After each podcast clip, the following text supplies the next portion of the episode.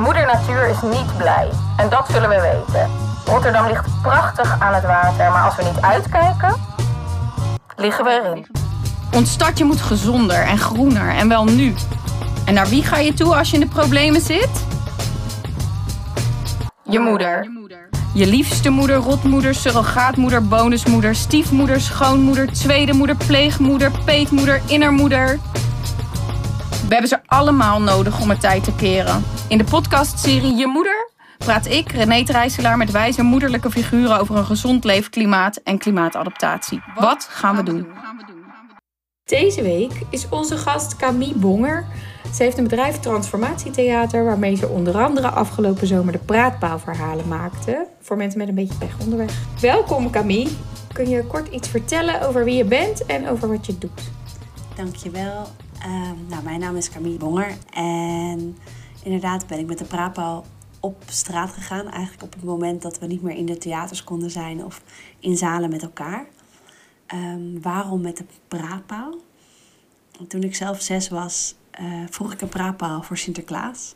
Ik denk omdat ik uh, graag praat, maar ook omdat er weinig ruimte was in mijn gezin voor mijn verhaal. En afgelopen jaren heb ik eigenlijk theater gemaakt met jongeren die onveilig zijn opgegroeid. Uh, vaak met een jeugdzorgverleden, in veertien verschillende huizen hebben gewoond. Best wel heftige problematiek. En daar wilde ik uh, voor de jongeren staan en ze leren: put your mess in your message, turn it around en je hebt goud. Dus leer van je verleden, probeer het om te zetten en je kan iets moois ervan maken. Of in ieder geval dat proberen. En in die voorstelling had ik die praatpal, dus ik zat zelf eigenlijk in de situatie dat ik dacht: nou, hoe gaan we dit omdraaien? Hoe gaan we wel iets doen? Ik ben op straat gegaan en ik ben gewoon voor mensen gedichten gaan doen. Maar ook een, een ruimte voor ze creëren om een verhaal kwijt te kunnen. Ja. Omdat ik merkte dat daar eigenlijk steeds meer behoefte aan is om echt met elkaar te praten. En daarmee ben je begonnen in je eigen wijk, toch? Eigenlijk wel, ja. ja. Hoe was dat? Ja, heel interessant. Want het, het begon eigenlijk omdat ik al die jongeren en hulpverleners vroeg... Uh, wat is echte hulp en waarom? En wanneer word je echt geholpen? En um, ik denk 90% van deze jongeren en mensen die ik de vraag vroeg... hoe help je echt, zeiden allemaal luisteren. En daarmee dacht ik, ah, maar ik heb zelf, ik weet niet hoe dat met jou zit, maar ik heb zelf, als ik eerlijk ben, jarenlang ook niet kunnen luisteren, omdat ik aan het praten was. En als je dan, hoe komt dat? Omdat ik eigenlijk aan het overleven was in mijn hoofd. En hoe komt dat? Omdat ik eigenlijk een trauma had. Dus nu ik dat heb opgeruimd en daar de jaren voor heb genomen om, om dat op te ruimen, heb ik wel weer ruimte om te luisteren. Dus al die jongeren zeiden, ja, er wordt niet naar ons geluisterd. En er wordt alleen maar geluisterd met, vaak met een oordeel of dat iemand al iets wil helpen of, of, of goed maken. Maar als je echt doorvraagt, is het heel vaak, ja, maar we wilden alleen maar dat je luisterde. En dat ons verhaal er mocht zijn. Ja. Dus dat is wat ik eigenlijk probeer met die prapal dan naar, naar buiten te gaan. Dat begon eerst voor de corona dat ik mijn voorstelling had. En dan ging ik met de prapa naar buiten en ik weet nog goed dat er in mijn straat geschoten was. Er was echt een jongen overleden. En er was net een week voor de première dat ik opeens die prapa liep. En ik weet dat er echt dat iedereen heel, uh, heel verdrietig was. Er was echt een rouwsfeer. Er waren rozen op straat. En, en als je dan met die prapa liep, dan zag je heel even een glimlach. En heel even dat mensen echt hun verhaal kwijt konden. Ja. Wat goed. Ja, nou ja. Ja. Je probeert altijd verandering te zijn die je zelf graag zou willen zien. En ik geloof dat mensen heel veel behoefte hebben aan echte aandacht. Maar dat we vaak ook niet zo goed weten hoe we dat doen. En dan met uh, theater probeer ik dat zeg maar in beeld te brengen. Zodat je mensen een nieuw bewustzijn geeft. Um, om dat wel te laten zien. Ja. Mooi joh. En dat, die jongeren zijn eigenlijk al jouw kinderen? Ja. Uh. Nou, tenminste, uh, ja. Ja, toch? Ja, vind ja. ik wel. Vind ja. Ik wel.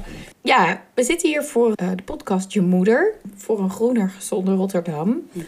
Bij de praatpaal zijn er daar mensen die met zorgen komen over het klimaat? De kinderen voornamelijk. Ik, uh, afgelopen zomer heb ik echt met groepen kinderen gepraat. En um, een meisje die gebruikte zelfs het woord: ik word er moederloos van. Oh.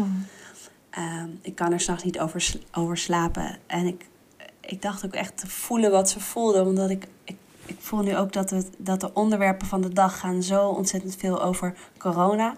Terwijl we eigenlijk natuurlijk met grotere problemen te kampen hebben. En dat is precies wat dat meisje zei. En, en die kinderen zijn er zich veel bewuster van. Uh, want ik heb de hele zomer met alle leeftijden gepraat. En de kinderen waren echt, ja, we moeten iets doen. Waarom doen we niks? Uh, we kunnen niet zo door. Uh, dit is voor onze toekomst. Hoe gaan we anders leven? Hoe, hoe doen we dit? Dus, dus ja, ik heb vooral het gevoel dat de kinderen daarmee bezig waren. Ja. Maak jij je zorgen over het klimaat? Ja, ik maak me vooral zorgen over dat er zo weinig bewustzijn over is. Of zo. Als ik bijvoorbeeld in mijn straat kijk, dan denk ik dat ik vier buurvrouwen heb uitgelegd dat je plastic kan scheiden. Nou, dat kan nu al niet meer. Dus dat is, dat is helemaal niet meer waar. Maar dat je het papier naar de papierbak kan brengen. En ik woon echt in een straat waar, waar plastic op de stra straten ligt. Dus dat er ook zo weinig liefde is voor de buurt of voor de straat. Dan denk ik, oh ja, er is ook weinig liefde voor, voor, voor die mensen zelf. Dat je weinig zelfliefde. Eh, ja, ik denk altijd dat het, dat het daarmee te maken heeft. Dus als jij zeg maar echt jezelf goed zou voelen over jezelf dan denk ik altijd, dan zou je ook beter omgaan met de omgeving. Maar ontzettend veel mensen voelen zich niet goed over zichzelf of ze hebben dat in de eerste kinderjaren niet geleerd. Dus, dus ik ben altijd vooral daarmee bezig, omdat bij mij ook in mijn jeugd ontzettend veel gebeurd is. Dat ik onveiligheid heb ervaren.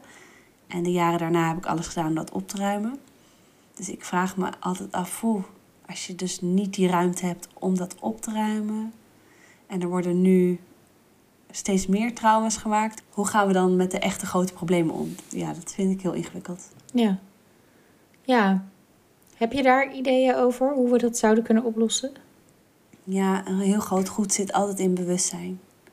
Dus wel er echt over hebben met mensen. Uh, maar wat er nu gebeurt, dat, dat bijna iedereen alleen nog maar over corona praat. Terwijl echt hebben over hoe, hoe ga je om met elkaar, hoe ga je om met de medemens, hoe ga je om met je spullen heb je nog echt dingen nodig? Uh, doe je het licht uit? Uh, ja, en zelfs dat heeft, dat heeft dat echt zin. Het is gewoon een heel ingewikkeld onderwerp. Ja, het is ook echt een ingewikkeld onderwerp.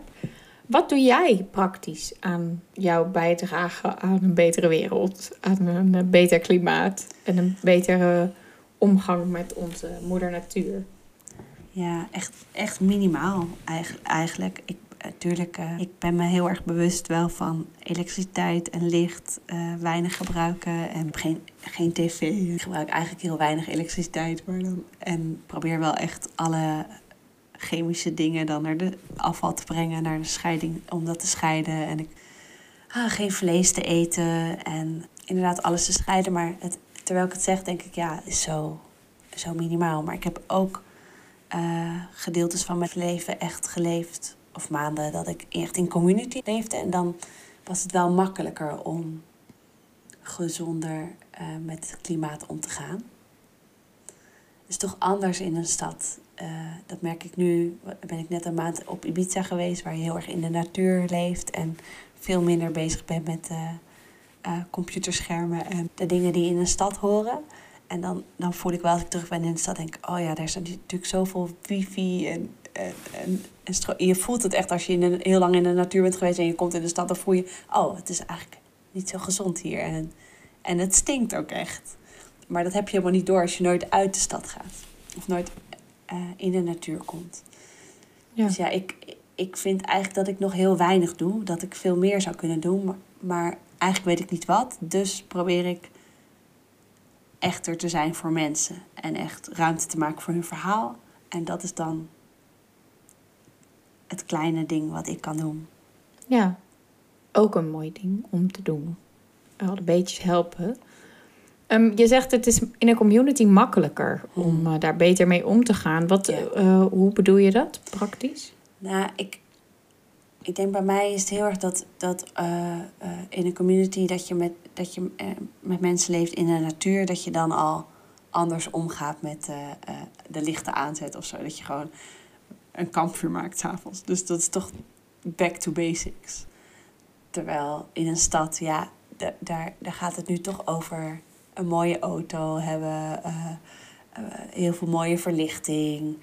eh, weer een nieuwe telefoon, weer een nieuwe telefoon, weer een nieuwe telefoon, weer een nieuwe telefoon. Dus, en eh, ik denk dat heel veel mensen zich echt niet bewust zijn met hoe, hoe slecht het is om een telefoon te maken voor grondstoffen. En wat voor de grondstoffen en wat het allemaal doet. Wat het voor gevolg heeft eigenlijk voor de natuur. Ja. Ja. Oké. Hoe voel je je erbij? Want je, je zegt, ik, heb, ik doe wat ik kan, maar het voelt ook een beetje als, ja, als is, dat, is dat dan genoeg of helpt dat dan? Um, hoe voelt het om, uh, om het wel te doen, maar niet te weten of het ook dan daadwerkelijk iets bijdraagt in het grote plaatje? Ja, dat is, dat is heel frustrerend eigenlijk. En laatst hoorde ik van, nou, het beste wat je voor het milieu kan doen is geen kinderen. dacht ik, nou, ben ik toch goed bezig. Doe ik tenminste iets goed.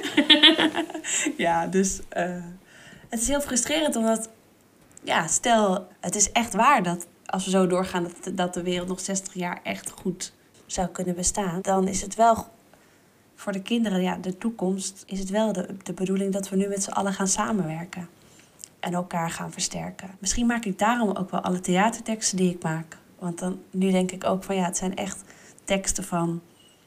We zijn allemaal één ster, één stip, één boom in het geheel. En we zijn met veel. En we zijn hier om samen te werken en elkaar te versterken in plaats van elkaar met elkaar te vergelijken. Of dat we op elkaar hoeven te lijken. Of dat we elkaar moeten aanvullen of opvullen. Maar ik denk dat er al heel groot goed is als mensen zich beseffen dat we allemaal uh, bedoeld zijn met een bepaalde missie, denk ik altijd. Of misschien geen, missie, maar dat je allemaal echt een eigen talent hebt. En als we al heel jong kijken wat dat is bij mensen. En dat we ook echt leren van, oh ja, jij, jij, lijkt, jij lijkt niet op mij, maar dat is perfect. Want dan kunnen we elkaar helpen. Dat daar al een heel groot goed mee gewonnen zou zijn. Eigenlijk ook hoe bomen voor elkaar zorgen ook. Die schijnt dat alle wortels met elkaar verbonden zijn over de hele wereld. En de, ja, bomen zorgen natuurlijk voor zuurstof en die, die helpen elkaar ook. En ik denk dat mensen net zo bedoeld zijn. En dat we ook in een stad vaak vergeten zijn dat we helemaal niet bedoeld zijn om het alleen te doen. Maar dat we echt bedoeld zijn om het samen te doen. Ja. En ik hoop dat we daar meer naartoe teruggaan. En dat we ook meer teruggaan naar dat we niet alles maar bedenken met ons hoofd, maar dat we ook meer doorzakken naar ons hart en dat we voelen: hé, hey, maar mijn hart zegt wel dat dit niet, geen goed idee is. Dus hoe gaan, we, hoe gaan we daar echt naar luisteren en hoe gaan we iets doen wat echt productief voor de kinderen is? Ja. Stel, we gaan nu met z'n allen heel hard aan het werk mhm. om het allemaal beter te maken. Um, hoe ziet in jouw ogen de ideale wereld of leefomgeving er dan uit in een plaatje? Nou, er is wel echt veel meer ruimte voor natuur. Ik vond het zo mooi van de zomer. Ik, uh, ik interviewde een jongetje, ik denk dat hij zeven jaar was. Toen zei ik, uh, wat is het goede nieuws van Katendrecht? Zei hij, de natuur. En ik dacht, hè? Er is helemaal geen natuur. Ik, rij, weet je, ik ga gewoon met een auto, wat beschikbaar is, ga, rij ik, heb ik om naar de natuur te gaan. Maar zijn ogen was dat natuur, die paar bomen die op Katendrecht staan. Ik dacht, ah ja, dat is zijn beleefwereld. Dat is natuurlijk ook heel mooi om zo ernaar te kijken. Maar ik in mijn ideale wereld, bijvoorbeeld, ik weet mijn, mijn buurjongetjes, die gaan gewoon nooit naar buiten. Die hoor ik altijd binnen rennen. Dus zij kennen niet eens om in de natuur te zijn. Dus in mijn ideale wereld gaan kinderen al ontzettend veel in de natuur. Leren ze om buiten te zijn. Leren ze de dingen die er echt toe doen. Van hoe bouw je goede relaties op met mensen. Hoe werk je samen. Al veel meer empathie en compassielessen. En uh, zorgen we voor elkaar. Ik denk dat dat. Uh, en hoe zorg je dan voor elkaar? Ja, dat is dus ook om al op jonge leeftijd, denk ik, te leren goed naar elkaar te luisteren. En niet te willen dat iemand anders is zoals jij. Uh, ja. want ik heb dat hoor ik eigenlijk in alle trainingen en theaters, voorstellingen en workshops die ik doe. Van ja, maar je weet toch, ze kan toch gewoon weten dat ik zo ben. Dat, van, dat kan ze gewoon weten, of dat kan niet weten. Of er is altijd zoveel onbegrip in. Ja, uh, eigenlijk in alle bedrijfsgroepen en bedrijfstakken. Uh, uh, omdat mensen zo hard over elkaar oordelen. Dus in. En eigenlijk, ik denk dan zelf altijd dat dat oordeel ook heel, heel vaak weer over jezelf gaat. Dus in die ideale wereld leer je al zelfontwikkeling. Weet iedereen dat dat ontzettend belangrijk is. Dat het goud is om aan jezelf te werken. En uh, ja, van een paar basisprincipes die je gewoon leert als kind al. Van uh, wat, je zegt over, wat je zegt over de ander. Uh, wat zeggen we dan? Um, wat was het kinderliedje? Wat je zegt bij jezelf? Ja, wat je zegt bij jezelf. Dat, je eigenlijk, dat was de grootste wijsheid van ja, inderdaad. Wat je zegt bij jezelf. Oh ja, interessant, dat denk ik over die. Dat denk ik dus nog over mezelf. Tenminste, daar geloof ik in. En um, ja, de echte bewustzijn dat, dat aarde, dat de aarde een ontzettend mooie plek is waar je voor, goed voor mag zorgen. Ja. En dat het zo prachtig is. Dus als jij beseft hoeveel mooie vissen er in de zee zijn, dan zou je niet de zee vergiftigen of zo. Dus, dus dat je echt dat bewustzijn van jongs af aan al, nou, heel veel kinderen hebben het al, maar dat je dat houdt en dat je allemaal een steentje bijdraagt aan het nog mooier hier te maken. Ja. Ja, denk, jij zegt kinderen hebben dat al, dus we zouden eigenlijk moeten koesteren in plaats van. Ja. Want eigenlijk zeg je, we zijn zo met elkaar bezig dat we eigenlijk die aarde een beetje vergeten mm onderweg. Mm dus we moeten eigenlijk beginnen bij onszelf. Ja, ja. Oké. Dat denk ik wel. In mijn voorstelling had ik altijd van hoe krijg ik vrede in de wereld? En dan had ik alles gelezen van Nelson Mandela. En uiteindelijk, ik krijg alleen maar vrede in de wereld als ik zelf ook vredig kan zijn. Ja. Nou, dat is een heel lang proces. En dat, dat is heel veel oefenen. En dat kost heel veel tijd en heel veel werk. En, en, en daarbij denk ik dat we ook nog in een maatschappij leven waarin we allemaal doen alsof het goed is.